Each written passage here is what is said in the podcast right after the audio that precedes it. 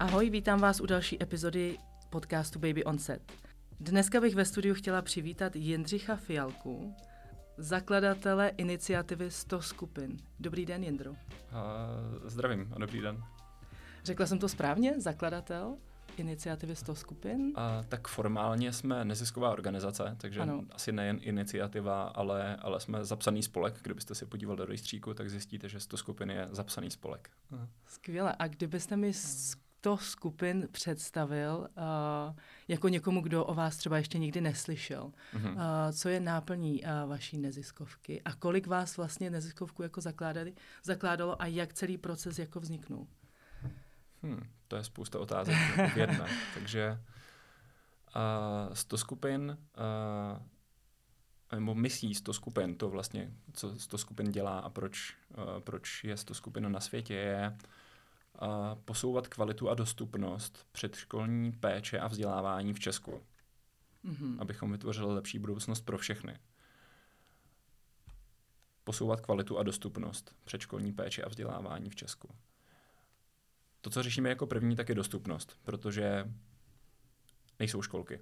Je málo míst ve školkách, ve školičkách, v dětských skupinkách a tak dále. Takže mm-hmm. to hlavní, co děláme ve skutečnosti, tak je, že zakládáme dětské skupiny různě po České republice.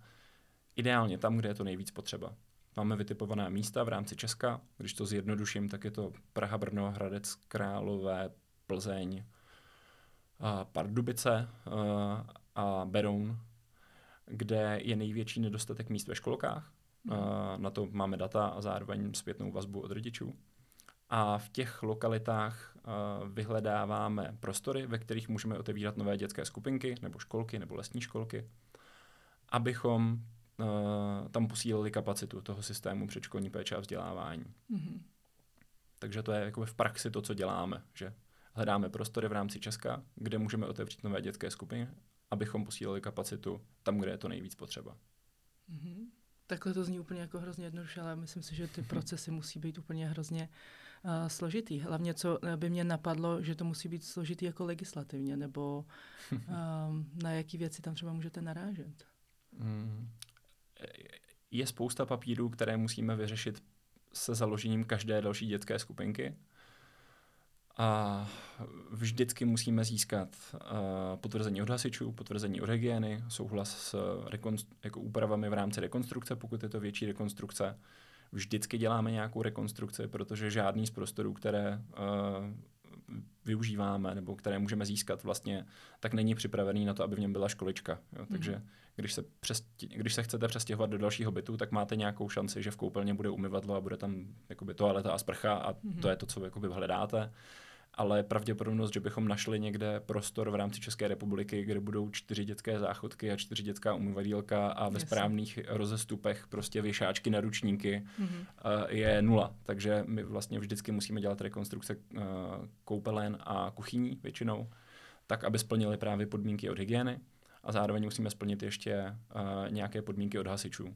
A mm. jak hygiena, tak hasiči, tak stavební úřad, tak ministerstvo uh, tyhle věci kontrolují. Takže mm. na ně mají podklady, které musíte správně vyplnit, eh, odeslat, oni je potom musí projít a potvrdit, schválit. Tohle mi jenom vyprávíte a na mě už je takový jako nějaký úplně divný pocit toho papírování. Úplně nerada chodím na úřad udělat si třeba nový pas nebo něco, to je úplně wow, noční můra, zároveň uh, jako předtím úplně smekám klobouk, že vlastně se do toho jako pustíte, protože uh, mně to přijde úplně jako hrozně moc energie zatím a hrozně moc jakoby um, Uh, no, asi jako prostě fakt energie a toho, že to jako chcete jako takhle posouvat dál. Co byl ten první impuls? Protože já bych si dokázala třeba představit, že uh, pro mě byl třeba první impuls to, že chci svoje dítě někam dát do nějaké mm-hmm. školičky a zjistím, že prostě nejsou ty kapacity a začnu se v tom víc jako zjišťovat, víc zjišťovat, zjišťovat informace. Ale co motivovalo vás v tom prvním momentě úplně?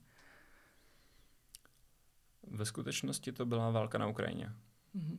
Protože vedle toho, že um, vedu neziskovku 100 skupin, tak daleko delší dobu uh, vedu inovační studio Queer Designers, který uh, se zaměřuje na inovace s pozitivním dopadem na lidi a na svět.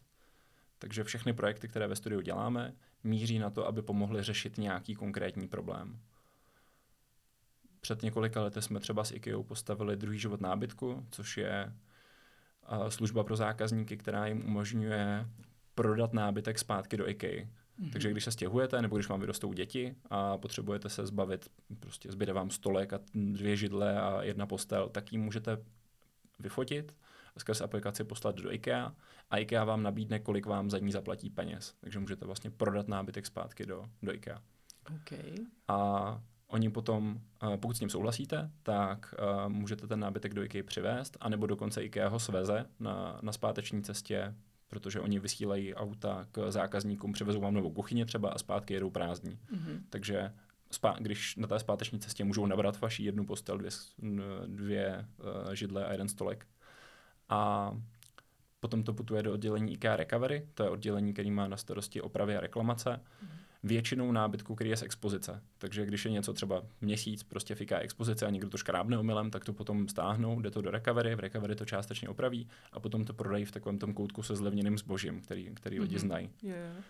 A přesně takhle funguje i druhý život. Takže vlastně uh, to vaše, uh, ta vaše postel, stolek a dvě uh, židle se dostanou do recovery, tam, tam to zkontrolují. Pokud je to potřeba malinko opravit, tak to třeba opraví. Mm-hmm. A potom to prodají skrz ten koutek se zlevněným zbožím. A takhle se ten nábytek dostane vlastně k dalšímu majiteli. Mm-hmm. A už máme několik kusů nábytku, který se takhle protočily třeba třikrát nebo čtyřikrát. Takže máme nějakou komodu, tuším, která už je teďka jakoby ve čtvrtém kole jako života. Wow. To je úžasný, jako to je jako úplně skvělý uh, projekt, jako ta re- recyklace. Takže tohle je to, na co se naše inovační studia zaměřuje. Mm-hmm. Projekty s pozitivním dopadem. A další projekt, který uh, nás možná přiblíží trochu k těmto skupinám, tak je uh, Den pro školu, což je věc, kterou jsme postavili s, se Spořkou mm-hmm. a Den pro školu spojuje učitele a dobrovolníky po celém Česku. Tak, že učitelé můžou jít na denproškolu.cz a tam si vybrat dobrovolníka, z, už je tam skoro tisícovka dobrovolníků, kterého pozvou na den do školy, aby připravil pro děti nějaký program nebo je inspiroval třeba příběhem z praxe. Mm-hmm. A tohle učitelé dělali i dřív, občas pozvali někoho do školy, ale naráželi přitom na dva problémy. Jeden problém je, že můj sociální okruh vlastně není tak velký, aby zahrnoval třeba astronoma a když zrovna by se mi hodil do hodiny fyziky astronom, tak já žádnýho neznám. Mm-hmm. A takže to je první problém, že vlastně ne- neměli tolik kontaktů, aby mohli pozvat kohokoliv. A zároveň druhý problém je, že tohle můžu udělat jenom jednou nebo dvakrát. A, ale potom už si připadám špatně, protože nemůžu prostě využívat děti, svý, uh, rodiče svých dětí uh, tak často, uh, jak by se to třeba v té výuce hodilo. Mm-hmm. Takže tohle, tohle řešíme skrz Den pro školu, kde můžete oslovit tisíc dobrovolníků a u každého z nich máte jistotu, že za A to bude dobrý, mm-hmm. protože ti lidé mají zkušenosti z praxe, které můžou sdílet a chtějí se vrátit do školy a, a předávat je dál, mm-hmm. jak by se nepřihlásili. A zároveň by jinak neprošli screeningem, který tam je. A za druhé, uh, máte tam daleko širší paletu vlastně témat na výběr. Takže mm-hmm. jsou tam manažeři, projektáci, marketáci, fotografové, scénáristi, máme tam několik herců, a mm-hmm. je tam, jsou tam dva hasiči, to je velká tahanice, a je tam dokonce zlatník a farářka. Takže mm-hmm. jako ta uh, paleta dobrovolníků dne pro školu tak je uh, zajímavá a hodně se rozšiřuje, protože lidi tohle chtějí dělat. Lidi chtějí pomáhat tím, že se vrací zpátky do školy a snaží se dětem předat to, co by si sami přáli vědět už na základní škole. Mm-hmm. To je ta příležitost. Můžete dětem říct to, co byste si sama přála vědět už na základní škole. Takže to je další příklad jako inovačního projektu, který jsme dělali. A když začala válka na Ukrajině, tak jsme si ve studiu sedli, u nás je asi 20 designérů, mm-hmm. a napříč vlastně různýma tématama. Máme UX designéry, UI designéry, custom experience designéry, máme lidi, co se specializují na business, máme marketáky, pochopitelně, tak dále, takže je to hodně široký tým. A na začátku války jsme si sedli a zeptali jsme se sami sebe, jak můžeme pomoct. Jak hmm. můžeme pomoct vlastně tuhle krizi řešit. A skrz nějaký rychlej výzkum jsme došli k tomu, že jeden z problémů, na který nevyhnutelně narazíme, když k nám přijde velké množství uprchlíků, a většina z nich jsou ženy s dětmi, nebo velká část z nich jsou ženy s dětmi, mm-hmm. tak je, že nejsou školky. A školky už nebyly ani před válkou mm-hmm. a je to z nějakých důvodů problém, který tady máme 20 něco let a, a ještě pořád se ho nikomu nepodařilo vyřešit. No tedy já bych jenom se ještě vrátila k těm projektům, co jste mi tady teď popsal. Uh, IKEA a Den, uh, Den pro školu. Mm-hmm. Mně to přijde jako úplně úžasný projekty a děkuju, dě, děkuju vám, že vůbec se pouštíte do takových věcí, protože uh, mi přijde úplně úžasný takhle právě spojit, jakoby dát tu možnost těm lidem, co jakoby chtějí pomáhat, když se vrátím k tomu jakoby eh, den pro školu, k tomu projektu, že vy vlastně jakoby pomůžete ty lidi jakoby spojit a dát je tam, kde by měli být, tak to je podle mě úplně, úplně úžasný. Um, a IKEA taky, teda, to jsem nevěděla, ale myslím si, že budeme teď jako uh, uh, likvidovat taky dětskou, dětskou postýlku, tak to zkusíme určitě, protože uh, uh, jako takový ten, jako vrátit to zpátky do nějakého oběhu je taky úplně skvělý. Um, 100 skupin, kolik jich aktuálně tedy teď máte? Otevřených. 14 nebo 15. Já se nejsem jistý, jestli Sedlčany jsme otevřeli teďka před 14 dny a se nejsem jistý, jestli už jsme je započítali, nebo ještě ne. Slyšela jsem, že Praha 6 bude kousek od nás taky. To je příští týden, no. Jo. Nebo, nebo za 14 dní. Jak dlouho to trvá, ten proces? Uh, jako chápu, že to asi bude individuální mm-hmm. i uh, kvůli tomu prostoru, ale jak, jako v mhm. průměru, mm-hmm. jak dlouho trvá celý za uh, otevření jedné skupiny? No, uh, bohužel to je individuální a záleží na, na tom, na koho narazíme na úřadech mm-hmm. do největší míry. A taky na tom, jak je náročná rekonstrukce. Máme školičku, kterou jsme otevřeli za dva měsíce a zároveň uh, ještě pořád jsme neotevřeli školičku ve Vyškově na Moravě, kterou uh, se, na které pracujeme od prosince loňského roku. Takže už je to mm-hmm. sedm měsíců a myslím, že ji budeme otevírat v srpnu. Takže mm-hmm. to bude něco jako jedenáct, no, deset měsíců celkem. A tam třeba konkrétně narazíte na co, že to tak třeba déle? Uh, Jestli Teď to... hrozně moc nechci říct úřední obstrukce, ale, ale, ale asi to tak je. Um, v rámci rekonstrukce jsme museli požádat o... Z, no dobře, eh, ještě trochu šíř. A dětské skupiny musí být v přízemních prostorách. Mm-hmm. Nemůžou být v prvních a vyšších patrech, protože kvůli požární ochraně uh, musíte mít dvě unikové cesty, kterými mohou děti unikat někam mm-hmm. a žádná z nich nesmí být po schodech, protože prostě děti po schodech moc nechodí, když jim je jeden rok, dva roky. Mm-hmm. A takže všechny prostory, které hledáme, tak jsou v přízemích. A to hrozně moc limituje vlastně prost, jakoby počet prostorů, které můžeme využít pro to, abychom tam otevřeli uh, dětskou skupinu. A ve Vyškově jsme narazili na to, že tam jsou asi dva schůdky uh, od vchodu na ulici. A relativně jako jednoduchý a jasný řešení tak je za dva schůdky prostě normálně většina hygieniků schválí, nebo většina mm-hmm. hasičů taky schválí. A takový ty pár schůdků, který vedou někam, jo, že to nejsou schody jako do prvního patra, ale je Jasně. to prostě v 40 cm jako rozdíl. Mm-hmm. A tak tady se ukázalo, že to je problém, takže jsme řešili, jak ten problém vlastně vyřešit. A, a došli jsme k tomu, že uh, bychom tam mohli postavit malou rampu, rampičku pro kočárky. A znova řešíme 40 cm rozdíl, jo, jakože mm-hmm. prostě prkotina. A no, takže musíte požádat o změnu uh, a oni mají 30 uh, eh, dní na to, aby se vyjádřili. Když vám ji zamítnou, tak vy musíte udělat uh, úpravu toho návrhu, takže jsme navrhli malinko jinou rampu, zase 30 dní na vyjádření a tak dále a tak dále a tak dále. Mm-hmm. A teďka už jsme v prostě sedmém měsíci řešení tady toho procesu. Mm-hmm. A minulý týden jsme dostali stavební polení, konečně, na, tuhle, na tu rampu. Aha. A, takže nám už uvnitř běží prostě komplet rekonstrukce, jsou tam podlahy, stropy, světla, už, už tam jsou správně příčky i snad tam, kde mají být. A asi za 14 dní, za, za tři neděle tam už budeme dělat interiér, mm-hmm. ale celé to stojí tady na té jedné rampě, která řeší dva schody. A, takže, takže složitý. Takže papírování. Papírování. A to je teda jako ta asi nejdelší, ale jinak v průměru, kdybyste hmm. to zprůměroval, jak dlouho to může trvat ten proces?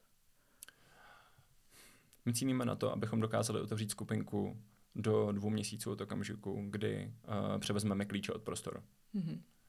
Není to od podpisu smlouvy, protože podpis smlouvy a převzetí klíčů tak se ještě trochu může lišit, mm-hmm. ale převzetí klíčů od prostoru tak je, tak je takový dobrý okamžik, který se dá se vyfotit, jakože hurá, máme klíče tady na Praze 3, mm-hmm. budeme něco dělat a, A, ale uh, upřímná odpověď je, že tohle vždycky záleží na uh, stavu, v jakém ten prostor je. Mm-hmm. Takže máme třeba v Nuslích teďka prostor, který budeme uh, opravovat třeba půl roku tam poběží, jakože to bude spousta práce a pak teprve to může být ready.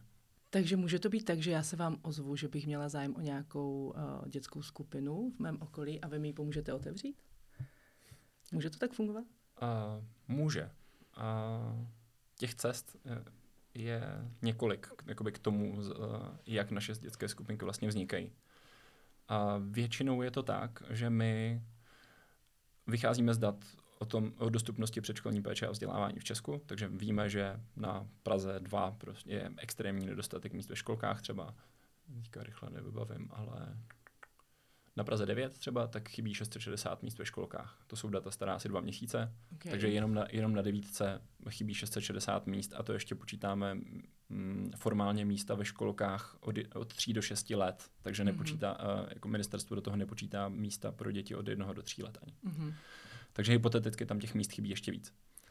A když tohle víte, že na Praze 9 chybí 660 plus míst ve školkách, tak uh, můžete hledat prostory, kde bychom otevřeli další školičku. Takže my tam máme tým, který tam aktivně vyhledává prostory.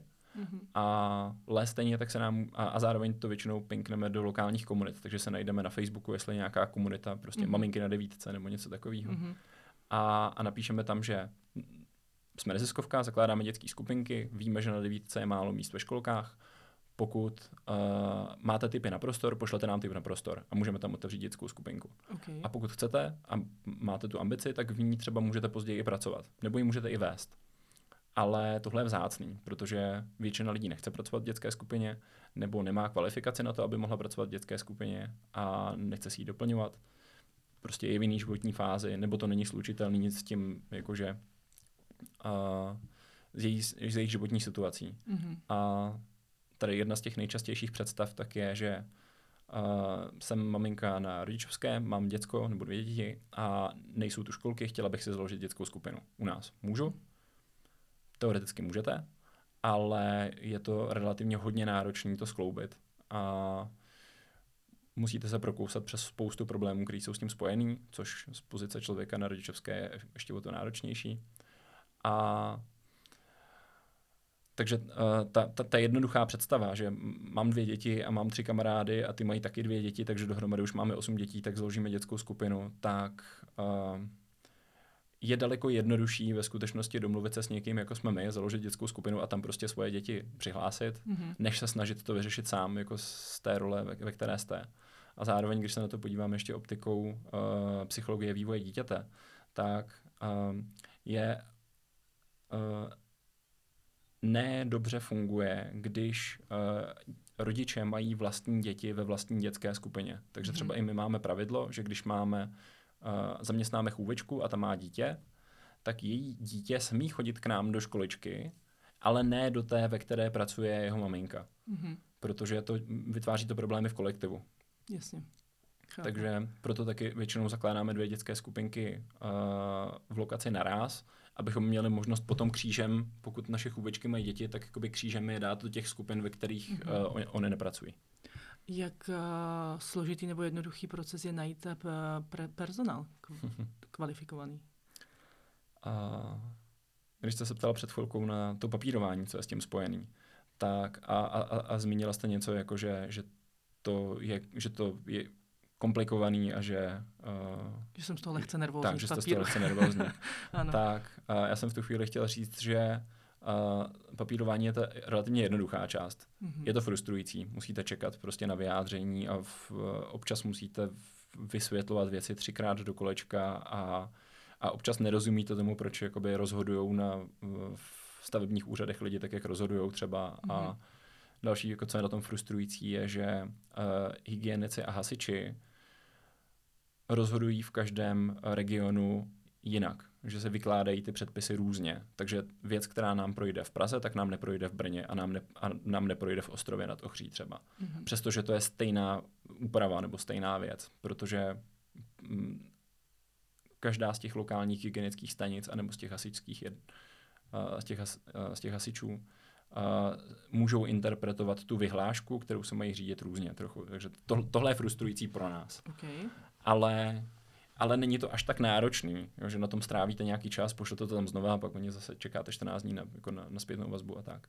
To, co je daleko náročnější, jakože na čas, tak je právě uh, budování těch týmů mm-hmm. dětských skupin. Protože my na ně máme hodně vysoké nároky, mm-hmm. protože řešíme jak dostupnost, tak kvalitu péče. Takže to není jenom rychle založíme 100 školek a, a, a v, jakože na kvalitu do určitý míry kašlem, hlavně když doplníme ty místa, které chybí. Takže takhle ne. Snažíme se, snažíme se držet v každé jedné školičce 100 skupin takovou kvalitu péče, abychom tam chtěli dát vlastní děti. Mm-hmm. To je ta metrika. Že do jakékoliv školičky ze 100 skupin přijdete, tak tam můžete dát vlastní dítě, dítě a máte jistotu, že to bude, že to bude super. A, Takže ten proces je složitý. A pochopitelně ta kvalita péče uh, stojí na uh, tom lokálním týmu. Takže jaké tam máte, jaké mm-hmm. tam máte lidi, jaké máte chůvičky, jak, jako má, jaké máte pedagoga, jako máte vedoucí, jaké kroužky tam jsou odpoledne, jak funguje plán výchovy a péče a všechny tyhle jako kvalitativní, konkrétní věci. Takže vy jste potom v, eh, vlastně jako provozovatelé té uh, ano. skupiny. Mhm. Mm, takže uh, 100 skupin uh, nedělá jenom první polovinu toho procesu, nejenom, že bychom zakládali školky a potom šli pryč, mm-hmm. ale zároveň je potom provozujeme, mm-hmm. abychom ručili právě za kvalitu péče, protože uh, ten problém v Česku není jenom, že nejsou místa ve školkách, ale zároveň, že pokud chceme lepší Česko, měli bychom daleko víc péče věnovat uh, předškolní výchově a vzdělávání a péči už od jednoho do šesti let věku, mm-hmm. uh, než v tuhle chvíli věnujeme. A relativně nedávno na to vyšla krásná uh, studie od PAC Research, což je výzkumná agentura, která se zaměřuje specificky na vzdělávání. Mm-hmm. A když to hodně zjednoduším, tak z té studie vyšlo, že optikou České republiky investice do předškolní péče a vzdělávání má 2,8 krát vyšší návratnost než investice do ostatních uh, forem vzdělávání v Česku. Jinými slovy, pokud jste Česká republika a máte miliardu na to, abyste zlepšila něco ve vzdělávání, tak pokud ji investujete do předškolní péče mm-hmm. od jednoho do 6 let, tak se vám vrátí 2,8 krát víc, než pokud ji investujete do základních škol, do středních škol nebo do vysokých škol. Jak a v čem? A tohle už je otázka konkrétně na metodologii pak research, takže můžu vám poslat link do to studie, můžete se na to podívat. Mm-hmm. A oni vycházeli z toho, že dobře, kvalita, kvantita. To, co kvalitativně řešíme mezi jedním a třemi, nebo respektive jedním a šesti lety věku, tak je hlavně uh, socializace. Mm-hmm. Protože děti, máte děti, takže víte, jak, mm-hmm. jak to vypadá, když, když děti rostou. A víme to už dlouho, jo? Už, už od začátku 20. století, když Jean Piaget popsal uh, kognitivní model vývoje vlastně osobnosti, tak bylo jasné, že děti prochází nějakými, nějakými fázemi mm-hmm. a že ta první je uh, něco jako uh, hm, samostatná, ve smyslu, že dítě vnímá samo sebe a okolní, okolní svět a um, si nevzpomenu přesně, jak, jak, jak v té teorii to je popsané, ale teprve ta druhá je socializační, že do určitého věku si děti hrají jenom sami se sebou vlastně mm-hmm. a s okolními předměty a, a tak dál, ale někdy mezi druhým třetím rokem vývoje tak je důležité, aby se socializovali, aby se naučili navazovat vztahy, aby se naučili vnímat koncepty jako moje, tvoje, mm-hmm. a aby se naučili pracovat s, a, s hrou, aby se naučili se správně hrát s ostatními.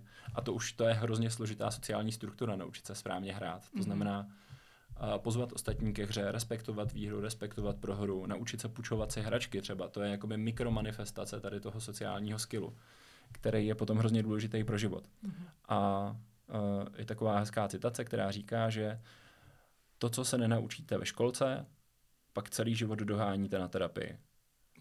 Takže ty základní sociální návyky, který z vás dělají potenciálně skvělého a prosperujícího člověka pro společnost, který si užívá vlastní život a zároveň má, vlast, má přínos pro vlastní rodinu, pro vlastní jako komunitu a pro potenciálně celou Českou republiku, tak se učíte ve školce.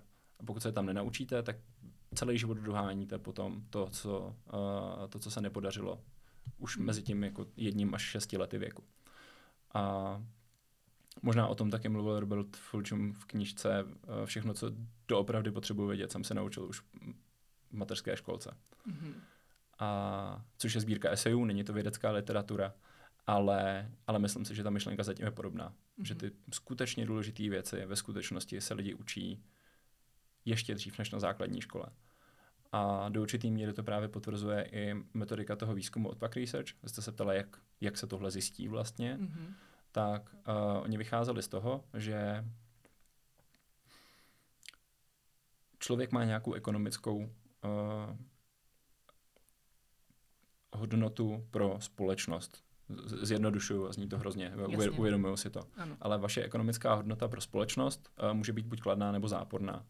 Zjednodušeně řečeno, pokud jste úspěšný člověk, necháte se zaměstnat, založíte rodinu, máte práci, uh, někde postavíte nebo koupíte nemovitost třeba a tak dále a tak dále, tak ze všeho toho platíte daně. Mm-hmm. Takže pro stát jste vlastně pozitivní, uh, pozitivní síla, protože tím, že vy žijete správně svůj život a zapojujete do něj ostatní lidi a budujete něco, co vlastně v životě chcete budovat, mm-hmm. Ať už jen na úrovni rodiny, anebo třeba dál, jo, že založíte firmu nebo cokoliv, mm-hmm. tak uh, každá tahle věc uh, pomáhá, uh, pomáhá rozvíjet českou společnost v nějakém měřítku. A pokud fungujete, tak správně odvádíte daně za každou z těch věcí, proto máme daň z přidané hodnoty a mm-hmm. daň ze zisku a tak dále.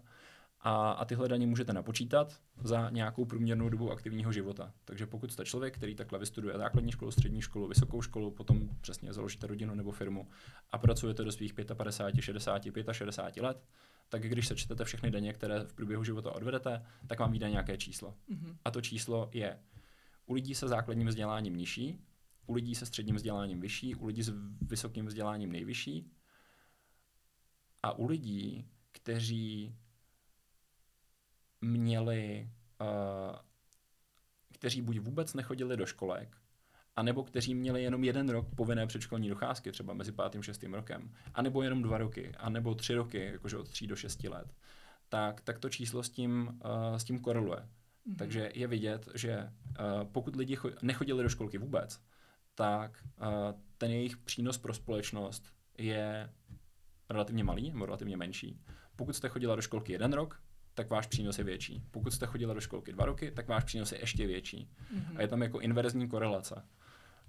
OK, to je Takže zajímavý výzkum. Jako. Zjednodušeně řečeno se dá říct, znova, podívejte se případně na ten výzkum do detailu, ale to, co by se zjednodušeně řečeno dalo říct, je něco jako, čím uh, delší čas stráví děti v předškolní péči a vzdělávání, správnou socializací a, a učením se jakoby, věcí, které se můžou naučit, tak tím větší přínos pro společnost potom v životě mají. Mm-hmm. Ať už jakkoliv, to už je jako na nich, aby se rozhodli, co budou v životě dělat. Ale je tam vidět ta inverzní korelace a i na úrovni problémů ve vzdělávání, že uh, děti, které nechodí do školek vůbec, tak mají průměrně problémy s dalším navazujícím vzděláním už třeba v 6. 7. třídě. Mm-hmm. Děti, které chodily dva roky do školky, tak začínají mít problémy s dalším vzděláním třeba v 8. 9. třídě. Děti, které chodily tři roky, tak mají problémy až na střední škole, mm-hmm. bo je to pro ně obtížné až na střední škole. Takže zase, čím, čím díl uh, děti chodí do školky, kvalitní školky, mm-hmm. tak tím větší je jejich potenciál pro, pro společnost. No tady se mi úplně přímo nabízí otázka, na kterou jsem se chtěla zeptat ještě, ještě asi dvě otázky dozadu. Uh, už jak jste zmínil, jakoby třeba Praha 9 přes 600 míst. Mm. A to je pro mě úplně teď jako šílený číslo, podle mě na tak jako malou část jakoby Prahy. A Praha 9 není tak malá. Jako není, ale jako v rámci Prahy, jako mi tam přijde jako 600 dětí, který jako, teď myslím na ty maminky taky, protože um, nemají tu možnost se jako úplně mm. vrátit do procesu. Mm. Um, jak to, že se nám to nedaří jako České republice mít víc těch školek? Jak to, že se to státu nedaří? Co tam je ten, co je za ten problém? Fuh. Protože školy mít musíme, že jo? takže školy musí mít jakoby uh-huh. tu kapacitu. To, že jsou některé školy přeplněné, to taky už uh, víme, to už jako uh-huh. uh, taky není určitě úplně jako nejjednodušší situace, ale tím, že jakoby uh, ta povinná školní docházka musí být, tak uh, tam to prostě nastavené nějaký je. Uh-huh. Předškolní vzdělávání je taky povinné. Uh, ten jeden rok, uh-huh. poslední, jakoby, ale uh, Um, dobře. Jak je možné, že se nám to ještě nepodařilo vyřešit? Tak mm-hmm. nějak je ta otázka. Ano, ano. Uh-huh. A tady záleží na definici problému. Co přesně se nám nepodařilo vyřešit? Pokud se díváte na definici problému skrz legislativu, to znamená, že povinná předškolní docházka, tak jako ten argument je u škol, školy mít musíme, takže mm. nějaké školy musí, tady narážíme, že teďka u gymnázií nebo u jakoby středních škol, že máme silný ročník a teďka místa ve, škole, ve školách nejsou. Jak je to možné, že jsme to zjistili až teď, když tak demografická křivka se dá předpovídat 30, 40, 50 let dopředu. Mm-hmm. Ale to, to, je, to je jako jiná, uh, jiná story. Um, tak je, pokud se na to koukáte čistě legislativně, tak uh, zákonnou povinnost poskytnout místa předškolního, jako v systému předškolního vzdělávání, tak mám pocit, že máme splněnou vlastně v České republice všude. Mm-hmm. Takže všude jsou školky, které, když počítáte ročníky mezi pátým a šestým rokem uh, věku, tak jakoby na, na, ta kapacita je dostatečná. Ale uh, rodiče nechtějí dávat děti do školek uh, jenom od, pá- od pátého do šestého roku. Chtějí je tam dávat daleko dřív. Mm-hmm. A a je to i správně, určitě z hlediska vývoje psychologie dítěte. Tak i pro ty děti je to lepší. Vys studie od Pak Research, mm-hmm. kterou jsem se teďka snažil popsat. A takže my vlastně v ideálním případě optikou společnosti i optikou jednotlivce chceme mít možnost a zapojit děti do kolektivů daleko dřív než před pátým rokem života. Mm-hmm. A ve dvou letech klidně, ve třech letech ve třech, ve třech letech asi nejpozději, ve dvou letech úplně klidně. Některé děti jsou na to ready už od jednoho a kousek roku třeba. Mm-hmm. A to poznáte vždycky s tím konkrétním dítětem skrz proces adaptace. Po, poznala a... jsem to, jenom vám do toho rychle vstupím, mm-hmm. poznala jsem to sama na svojí dceři, která vlastně chodila do soukromých jesliček, vím, že jste mm-hmm. říkal jesličky už právně jakoby nejsou, ale tak jakoby asi taky tedy mm-hmm. jako soukromá dětská skupina. Mm-hmm. A byli přes rok a půl. Mm-hmm. A ona se tam vyloženě těšila. Paní učitelka říkala, to je úplně v pohodě, tu tady můžete mm-hmm. nechat nejdříve, že se to zkouší na dvě hodiny, říká, zítra může klidně přijít na celý dopoledne. Jako těšila se úplně za mm-hmm. těma dětma. Ona ty děti viděla úplně tam vždycky chtěla jako skočit mm-hmm. do té třídy, takže jakoby máte pravdu. E, omlouvám se, že jsem vám do toho skočila, ale poznáte to i na tom, na tom dítěti, prostě to i tak jako cítíte, že chce být s těma ostatníma dětma a chce si hrát. Mm-hmm. Takže to je to, podle čeho jste to poznala? Že se těšila za dalšími dětmi? Podle toho jsem to poznala a taky mm-hmm. jsem mhm. poznala, že já už jsem jí jako každý den taky jako by nestačila, nedokázala nabídnout ten program. Jako mm-hmm. mohla bych s ní chodit každý den na hřiště, mm-hmm. ale nejsem úplně jako ten člověk, který má rád každý den hřiště. Takže jsem hledala prostě nějaký další skupiny. Eh, žila jsem dřív eh, v Británii a tak nějak v tom roce a půl jsme se mm-hmm. přestěhovali zpátky do Prahy.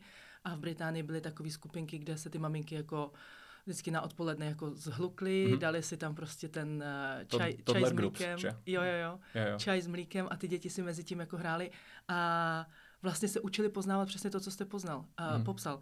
Učili se poznávat uh, jeden druhýho. Koukali, že jako tady je taky vlastně jako mimčo nebo prostě jo, už jako uh, batole a co dělá, co dělá s tou hračkou. A musím teda říct, že jako uh, moje první dcera spoustu věcí z té školky jako okoukala od těch třeba starších dětí. Že? Když už mhm. tam bylo prostě o rok starší, tak uh, ona má hrozně jako vyvinutý ten, že jako pozoruje, co jako, to samozřejmě možná má spousta dětí, já to beru teď hrozně tak, jako že to moje dítě, jak jsem pozorovala, jak uh, se vyvíjelo. A uh, vlastně vím, že, že jí to hrozně prospělo. Že samozřejmě, ještě teď, když to jako řeknu z hlediska jako té mámy, která dává to dítě do nějaké skupiny nebo do školky, tak lámou se v nás ještě jako takový ty pocity, mám i tam, je, je na to připravená, mám jí tam dát, a teď nejsem taková, jako když tak řeknu, krkavčí matka, že jí tam dám a tohle, ale jako to, jenom řeknu, to mateřství je plný takových různých jako výčitek a různého takového přemýšlení, jestli je to dobře pro to dítě nebo ne. Ale je to fakt individuální. Vím, že já jsem viděla na ní a i manžel jako viděl prostě to, co ona se dokázala jako naučit a to, jak ona s těma, na ty děti reagovala. A doteď vlastně uh, je teď v první třídě, končí první třídu. A různě se bavíme že s paní učitelkou o tom, co nám jde, co nám nejde. A když mi paní učitelka řekne, jestli něco na ní může jakoby vypíchnout, tak je ta, která když někomu se něco nepovede, nebo někdo brečí, někdo zapomene penál, tak ona je ta první, která běží se svým penálem mm. jakoby nabídnout svoje tušky, nebo první je, a co se děje, a to a jakože je taková jako pečovatelská, což může i jako souviset s tím, že Eh, byla třeba takhle jakoby i mm, jako malá zapojená do nějakého jako toho procesu, kde ty děti byly jako různých věků, a nebo prostě taková prostě je i jakoby uh, její jako osobnost, ale uh, vím, že v ten moment, kdy jsem jí tam dávala, tak určitě se ve mně pralo spousta jakoby pocitů, ale ona to vlastně jakoby zvládla mnohem lépe než já v ten moment. Mm-hmm. Takový to, když se zabouchly ty dveře, ty třídy, tak jako uh, já jsem určitě jako to nebrala prostě jakoby s lehkou hlavou, že jo, tak jako prostě jako každá máma, ale vím, že teď jakoby zpětně, že to bylo jako dobře. Že to vidím na, i na jejím vývoji, mm. i na tom, jak ona se teď dokáže bavit s 11-letou holčičkou, ale i se 4-letou a dokáže ro- rozlišovat prostě mm. i um, kde to dítě jako vývojově je a jako něj chce jako třeba pečovat nebo tak. No. A kolik je jí let teď? A teď jí bylo sedm. Mm. Super. A teď má malýho brášku devítiho měsíčního, o kterého chce jako pečovat, takže to je taky skvělý. Ale uh, jenom abych takhle i jako uh, maminkám, co nás poslouchají, vlastně uh, uvedla i jako ty pocity, že mi je úplně jasný, že prostě ty pocity my máme, že jo, jako to je hmm. to odloučení nějakým způsobem jako taky řešíme, ale na druhou stranu jako ty děti uh, taky potřebují být jakoby s dětma dalšíma, hmm. podle mého názoru taky. Děkuji. v, tom, v tom příběhu se ukázala spousta věcí, které uh, jsou důležité a které v tomhle konkrétním případě se podařilo zvládnout, mám pocit, skvěle. Vypadá to tak. A jedna z těch věcí tak je uh, proces adaptace. Mm-hmm. A to je proces, kterým prochází každé děcko uh, ve chvíli, kdy přijde poprvé do kolektivu. A takže zvyká se na nové prostředí, nové lidi, a na začátku máte z pohledu psychologie něco, čemu se říká primární, peč, eh, primární pečující osoba, primary caregiver mm-hmm. v angličtině, a to je na 99% prostě matka. A potom začíná navazování těch dalších vztahů. A to, když dáte děcko do školky relativně brzo, relativně dříve, třeba v jednom, v jednom roce, tak uh, neznamená, že tohle pouto uh, by se tím nějakým způsobem uh, komplikovalo nebo ohrozilo, protože to dítě pořád vnímá jako by tu primární pečující osobu, ale začínají se přidávat i další lidi. Mm-hmm. A některé děti jsou na to jako připravené dřív, některé, některé později. Zjistíte to tím, že to vyzkoušíte, tím, jaký z toho máte jakoby, pocit vy a jak to zvládá to děcko. Mm-hmm. A proč jsem chtěl mluvit o té adaptaci, je proto, že um, hodně se o tom ví a hodně se o tom píše z pohledu dítěte, ale z pohledu praxe, jako provozovatelů dětských skupin, proces adaptace je často daleko víc pro rodiče než pro ty děti. Mm-hmm. Protože rodiče si potřebují zvyknout na to, že jejich dítě už zvládne nějaký čas strávit třeba v prostředí s jinými lidmi nebo s jinými mm-hmm. dětmi a, a že, že, že můžou důvěřovat chůvičkám, že se o něj dobře postarají. Mm-hmm. A a občas je to překvapení, přesně, jakože moje děcko je první den ve, šk- ve školečce nebo ve skupině a, a je úplně v pohodě, Ježíš Maria, jakože co, co se děje. A, takže ten proces adaptace uh, není jenom pro děti, ale velmi často je daleko víc pro rodiče. A druhý, co se na tom ukázalo, na tom příběhu, tak je, že hrozně důležitý je ten proces zpětné vazby od uh, školičky směrem k tomu rodiči. Mm-hmm. Takže potřebujete mít na místě chůvičku, která přesně vám řekne, co jsme dneska dělali, jak jsme se dneska měli, co zajímavého se událo třeba, co jsme se dneska naučili, jak, jak, to, jak to vaše děcko zvládá. A v ideálním případě by školička měla být něco jako parťák pro výchovu. Mm-hmm. Je to někdo, s kým si můžete poradit, a protože možná je to vaše první, druhé, třetí dítě. Mm-hmm ve školečce mají zkušenosti se stovkami dětí a prošli jim rukama nejrůznější příběhy, nejrůznější situace, takže velmi často by vám mohli poradit v něčem, co třeba vyřešíte poprvé mm-hmm. a mělo by to být to místo, kde máte jistotu, že se můžete zeptat na věci, které vlastně nevíte a, anebo pro který není moc ve společnosti koncenzus. To je třeba ta otázka, kdy je OK dát děcko do školky. Jo, jakože mm-hmm. to v jednom, v jednom roce, ve dvou letech, ve třech letech. Ale i jako máte pravdu, i, i uh, ten pohled do té výchovy přesně um, od té školičky, od někoho, komu jakoby důvěřuju. Uh, oni tam s těma dětma pracují a koukají na ně úplně jinak, než když já si malou posadila ke stolu a začali jsme malovat a já v tom nevidím nic, jako kde by mohl být třeba nějaký problém, nebo kdyby mm. třeba ona malovala nějak jinak, protože to nedokážu, nemám k tomu v tom to mm. vzdělání.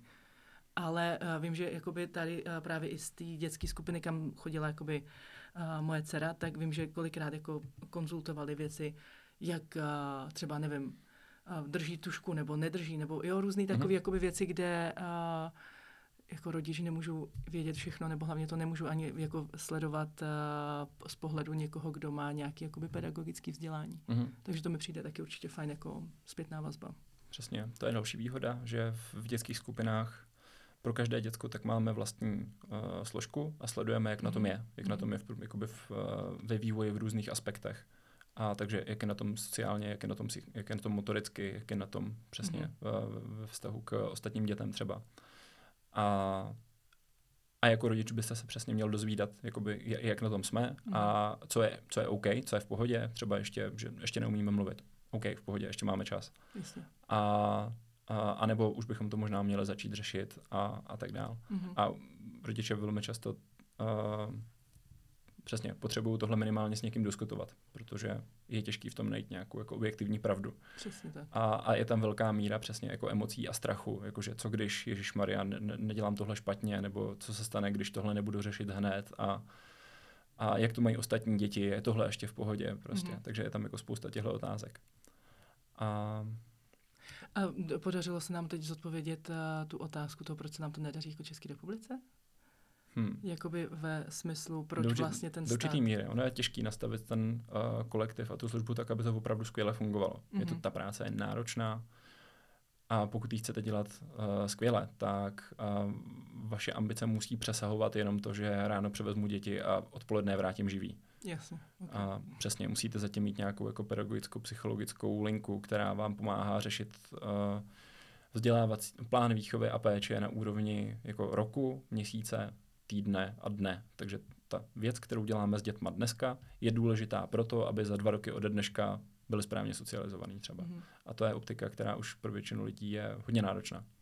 Ale na druhou stranu máme spoustu zkušených předškolních pedagogů, kteří přesně tohle dokážou jako uvažovat a, a ty plány správně sestavit. Mm-hmm. A potom potřebujete pečující personál, který je dokáže správně vlastně uh, žít na té úrovni jednoho dne. Jo, jakože, co budeme dělat dneska, dopoledne, odpoledne a jak to zapadá do toho plánu výchovy a péče. Mm-hmm. Takže to je, jeden, je jedna z těch komplikací, je, že to je náročné dělat dobře a zároveň se podmínky proměňují. Že? Vznikly digitální zařízení relativně nedávno a teďka prostě co, co s digitálníma zařízeníma ve školkách, ve, škole, ve školách. Mm-hmm. Větší problém je to asi ve školách, protože tam už děti jsou schopní je vlastnit, ve školkách až tak ne, ale taky řešíme téma, jak zapojit jako digitální, uh, digitální prostředí do, uh, do procesu jako předškolní výchovy a péče. Mm-hmm. Jestli vůbec, a pokud ano, tak kdy, a už jsou na to nějaký názory a jsou na to už nějaký výzkumy. Ale můžu se vrátit ještě teďka k druhému problému, který v tom je, že za A teda je, je těžký ten systém postavit tak, aby fungoval dobře, aby fungoval mm. skvěle. Ale za B uh, to je ta otázka kvality. A pak je otázka kvantity. To je, kolik vlastně potřebujeme míst v systému předškolní péče a vzdělávání, aby to pro Českou republiku řešilo ten problém, respektive aby to pomáhalo budovat uh, lepší budoucnost. A tady je těch problémů spousta je společenský téma, uh, kdyby děti měly chodit do školek. To znamená, jak velká kapacita toho systému vlastně by měla existovat. Pokud se společensky shodneme na tom, že od 3 do 6 let, tak to mhm. znamená tři jakoby generační ročníky. Průměrně generační ročník v Česku tak má, no ne generační, průměrně jeden ročník v Česku tak má kolem 100 000 dětí, takže by to bylo kapacita systému předškolní péče a vzdělávání v Česku potřebuje 300 000 míst. Mm-hmm. Zjednodušuju. Jo. A ale pokud je to od, od dvou do šesti let, tak už je to 400 tisíc. Pokud mm-hmm. je to mhm. od jednoho do šesti let, tak už je to tak a takhle můžete. A, a tady a není konsensus na tom, uh, jak tohle počítat. Takže uh, stát v tuhle chvíli počítá uh, místa ve školkách od 3 do 6 let, ale neexistují data pro uh, kapacity systému, který by měl existovat pro děti od 1 do 3 let. Takže my, my vycházíme z demografie, normálně z dat Českého statistického úřadu mm-hmm. a zároveň víme, kolik existuje dětských skupin, což je teoreticky kapacita tady toho systému. Ale ani jedny ty data, data ČSU jsou relativně přesný, data o provozovateli dětských skupin taky, ale uh, jsou tam velké nepřesnosti na úrovni třeba těch školek, protože rodiče často dělají to, že se hlásí do dvou školek a potom nastoupí do jedné a, a do té druhé ne, protože mm-hmm. přesně je o ně rvačka. Mm-hmm. A, a je otázka potom, jestli ten systém dokáže tohle vyčistit, anebo jestli je tam potom ta přihláška započítaná dvakrát, mm-hmm. protože to, co oni počítají, tak jsou přihlášky a odmítnuté přihlášky. A takže my na ty data až tak nespoléháme. Mm-hmm. Takže už jenom pracovat s tím, jako jak, velký jak velká by vlastně měla být kapacita toho systému, tak je relativně náročný pokud by existovala nějaká uh, politická společenská schoda na tom, jak velká kapacita toho systému by měla být, tak potom se můžeme bavit o tom, jak vlastně ji jako doplnit. A, a to druhý, druhý důvod, uh, který komplikuje tu jako budování těch kapacit, tak je uh, legislativa, podmínky, za kterých můžete otevírat nové dětské skupiny a mm. stavět nové školky. Tady se dostáváme do tématu, který řeší developeři. Jo, jakože chci postavit novou školku v Praze. OK, kde? Nejsou, jako není prostor, kde bych mohl koupit brownfield a postavit tam novou školku. Mm-hmm. A nebo je, ale pak musíte někde sehnat peníze na to, abyste koupila brownfield v Praze. Jakože good luck with that. Mm-hmm. Jasně. A existuje uh, diskuze na úrovni městských částí a developerů, takže když developer chce stavět něco na nevím, sedmičce nebo, na, nebo někde prostě v Brně, tak ta městská část uh, ho může požádat anebo donutit uh, k tomu, aby tam postavil zároveň školku. Takže v rámci toho, že ano, prodáme vám Brownfield, nebo ano, povolíme vám tady developerský projekt pro 400 bytů, ale musíte postavit školku. Mm-hmm. A dá se tomu vyhnout do určité míry, a dá se nabídnout něco jiného, takže developeři, někteří to dělají, někteří to nedělají, jakože je to, je to složitá diskuze. A a potom tu školku stejně musí někdo provozovat a teď komu ji vlastně dát na provoz a mm. kdo to bude dělat kvalitně a tak dále. Je to, jako, je, je to hodně složitý a naráží to za A na ten stejný developerský problém, jako je se všema ostatníma a to je, že není kde stavět, prostě obzvlášť v centrech měst. Takže pokud chcete posílit kapacitu předškolní péče a vzdělávání v centrech měst, což je zároveň to, kde nejvíc chybí, mm. jo, to je to Praha, Brno, Pardubice a tak dále, tak, tak musíte najít způsob, jak doplnit tu kapacitu ne skrz nově developerské projekty, protože na ty prostě není prostor, ale skrz nějaké jiné formy. A proto vznikly mimo jiné dětské skupiny. Protože dětskou skupinu nemusíme nutně stavět v novém objektu, nepotřebujeme postavit prostě nový barák a tam udělat skupinku, i když i to můžeme. Ale můžeme si pronajmout prostor v existující nemovitosti. Mm-hmm. Tím, jsou, eh, tím jsou dětské skupiny flexibilnější než školky a protože jsou menší, můžou vznikat rychleji, můžou vznikat v existujících prostorách, mm-hmm. ale zároveň plní vlastně téměř všechny stejné hygienické a požární předpisy jako školky, takže měří se světelnost, měří se, ty, kontrolují se unikové východy a, a tak dále, a tak dále. A, no a pak je to diskuze na téma, za jakých podmínek vlastně dovolujeme vznik nových dětských skupin. Jo, jakože potřebujeme opravdu dva unikové východy, nestačí jeden. Mm-hmm. Potřebujeme opravdu řešit tři schody jako u vchodu, anebo, anebo je to OK. Mm-hmm. A jak tohle můžeme sjednotit a zjednodušit, aby si to jako úředníci v různých částech republiky nevykládali každý jinak a, a ideálně jsme to zjednodušili pro všechny. Mm-hmm. Stát v tom dělá nějakou práci, podporuje vznik nových dětských skupin třeba skrz to, že jednou za čas vypisuje dotace na mm-hmm. založení dětských skupin, což je super, protože když chcete založit dětskou skupinu, tak ta investice do toho tak není malá, mm-hmm. jakože jsou to stovky tisíc až miliony korun a za každou jednu. A, ale zároveň jsou věci, které jsou z hlediska státu relativně komplikovaný a zbytečně komplikovaný a hrozně bych se přál, abychom je uměli dělat lépe. Mm-hmm. To je třeba za sjednotit pravidla pro otevírání na úrovni hygieny hasičů hlavně, potom uh, lépe nastavit podmínky uh, dotace na provoz dětských skupin, uh, které v tuhle chvíli jsou nastavené plošně pro celou republiku, což znamená, že dětská skupinka v, v Žabovřeskách dostane jako na provoz stejně velkou dotaci jako dětská skupinka na Praze 2, hmm. kde jsou pochopitelně vyšší nájmy, vyšší platy a náročnější prostě podmínky na provoz a tak dále. Hmm.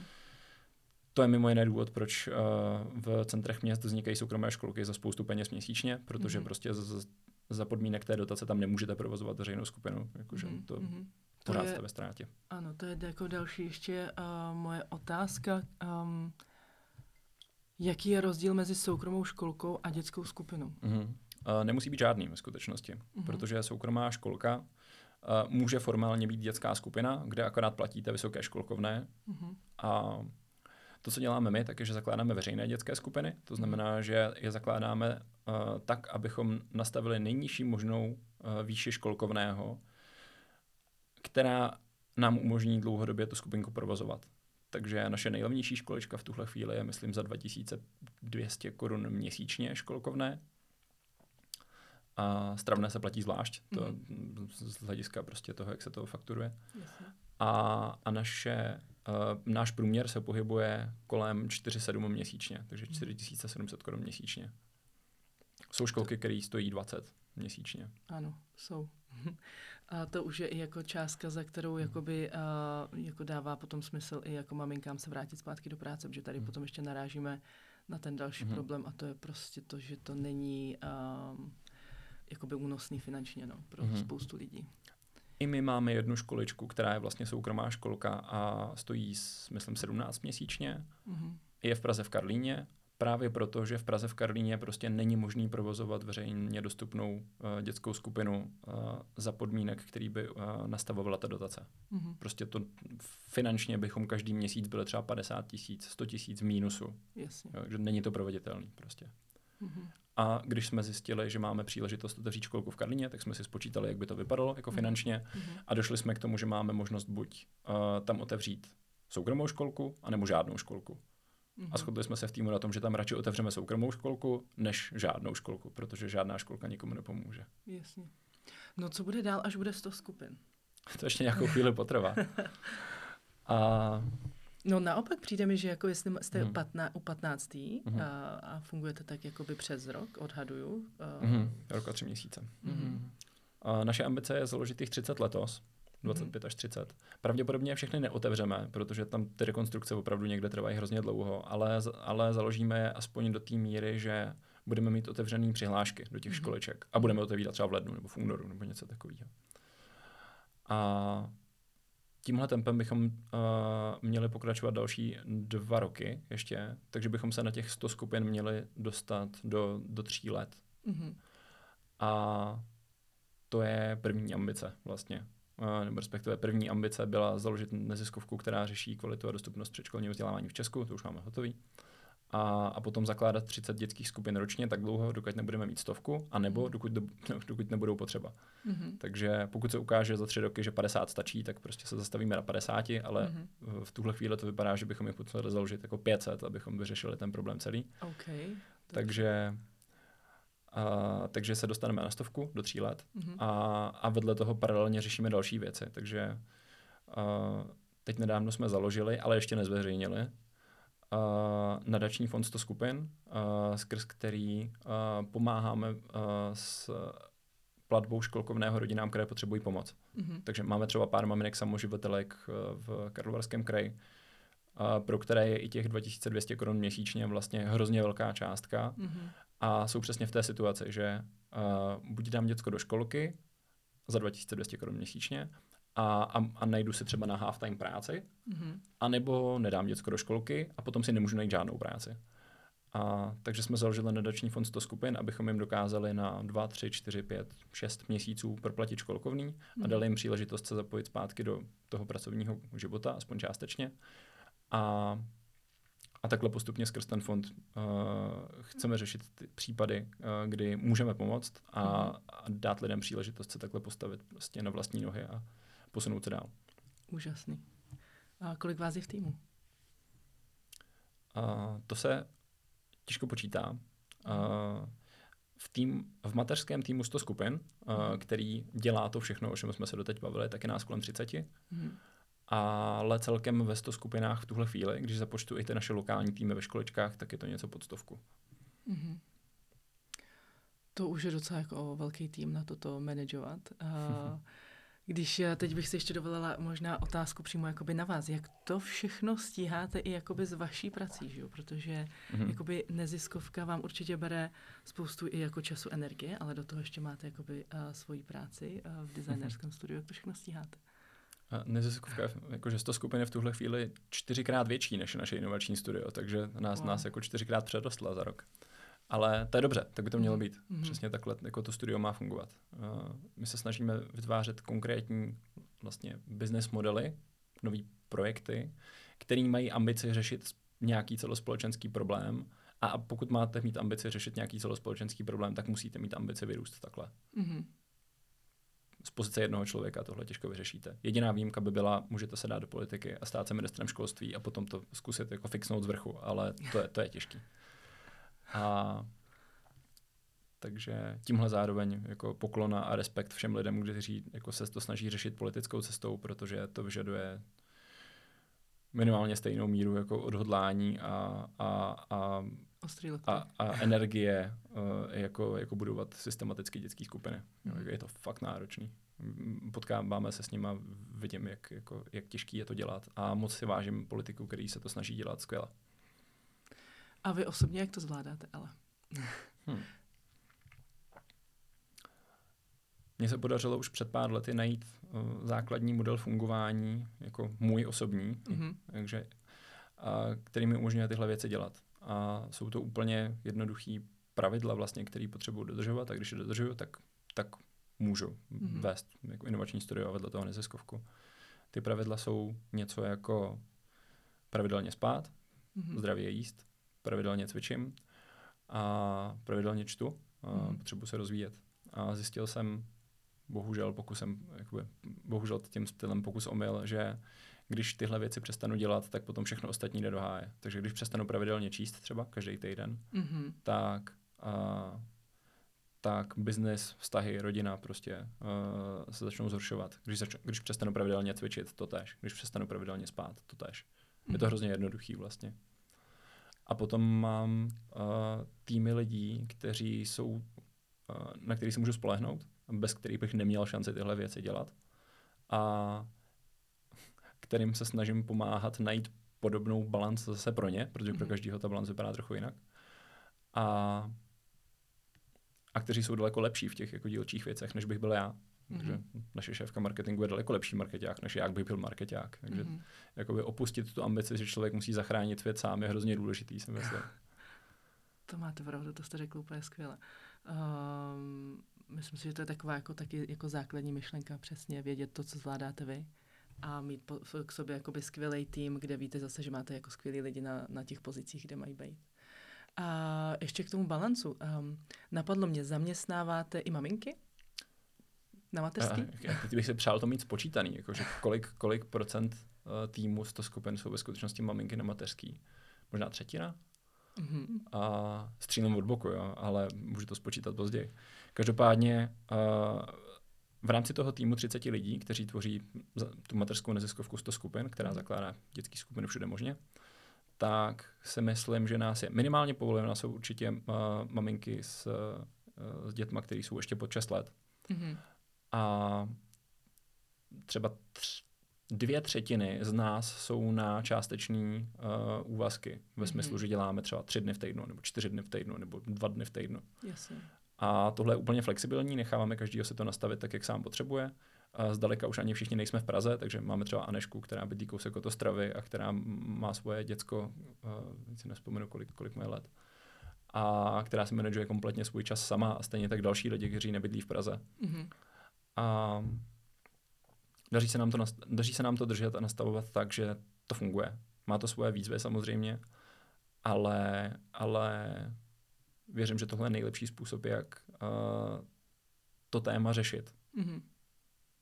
Cítíte, Takže... že ty maminky tam mají takovou jakoby i motivaci k tomu, nebo nějaký jako i input mm. toho, že uh, mají sami ty děti a ví, jak by třeba chtěli, Jasně. aby ty skupiny byly, fungovaly.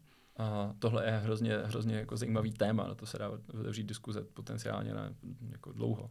Ale to, co je určitě vidět, tak je, že ta osobní zkušenost je v tomhle uh, hrozně důležitá. Mm-hmm. Přesně. Já jsem přihlásila svoje děcko do školky před třema lety. Přesně vím, jak to vypadá. Jo, takže jakoby vědět, jaká je, ta, jaká je ta zkušenost z pohledu rodiče, tak je taky moc důležitá pro mm. přesně budování systému, který by to měl řešit. A, a nejenom to hlášení se do školek, ale i ten jakoby denní život, jo? Jakože jak to vlastně balancuju, že mám, mám na tři dny v týdnu práci a dva dny v týdnu uh, v, uh, se věnuju jako větší část dne dítěti třeba mm-hmm. a teďka mám ještě nějakýho jako tatínka nebo partnera do toho, nebo přesně já jsem uh, hm, člověk, který třeba řeší uh, i další projekty vedle toho, takže nějaká část lidí, která u nás v týmu, tak uh, jsou vlastně živnostníci a vedle toho mají třeba ještě další jeden projekt. Jo? Takže to, mm. to nastavování toho balancu opravdu za A je pro každého individuální, za B jsou pravidla, které platí, uh, když se podaří nastavit správně pro všechny, tak potom fungují dobře.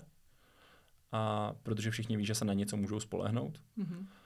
A, a za C je to proces.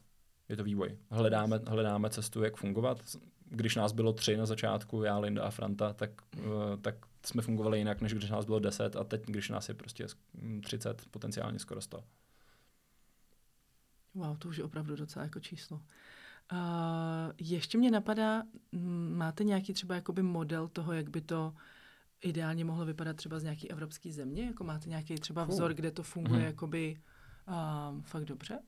Ta hm. předškolní péče. Jo, a vytáhnu tři příklady, abych ukázal, jak moc je to neporovnatelný. Mm-hmm.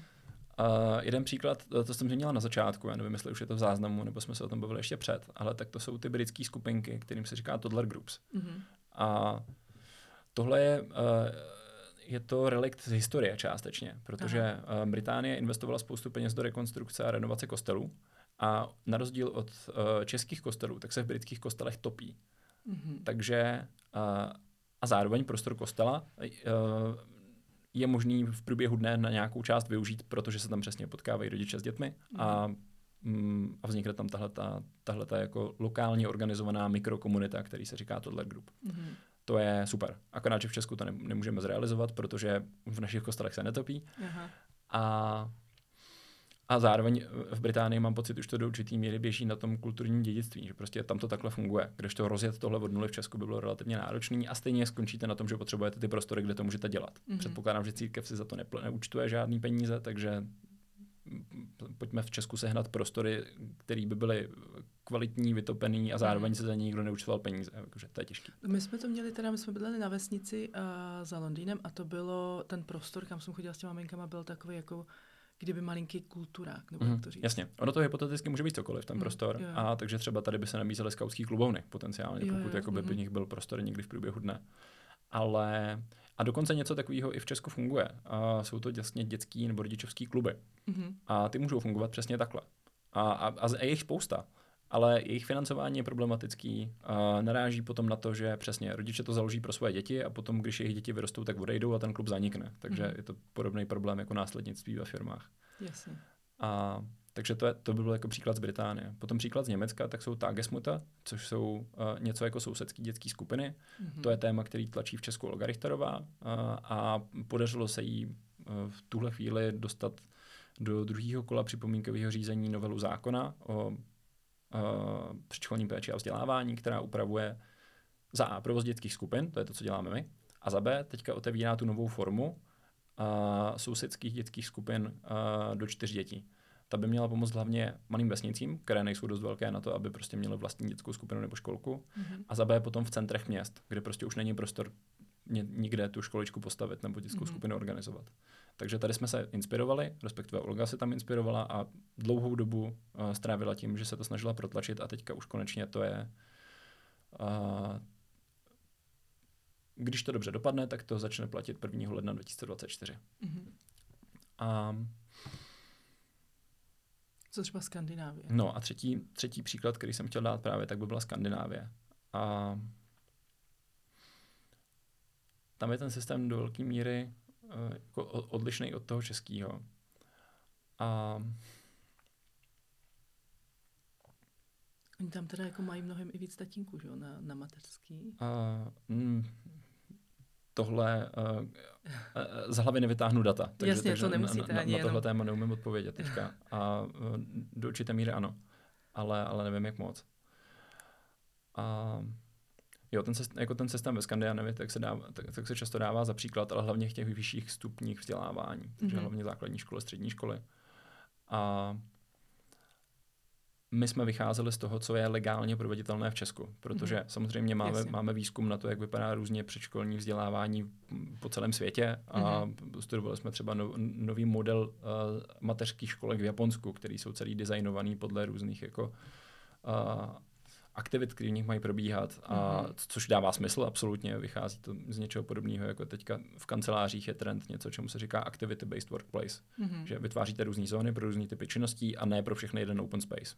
Tada, jakože mm-hmm. ve školkách už je to taky. A do určitých míry už to tam možná bylo dřív.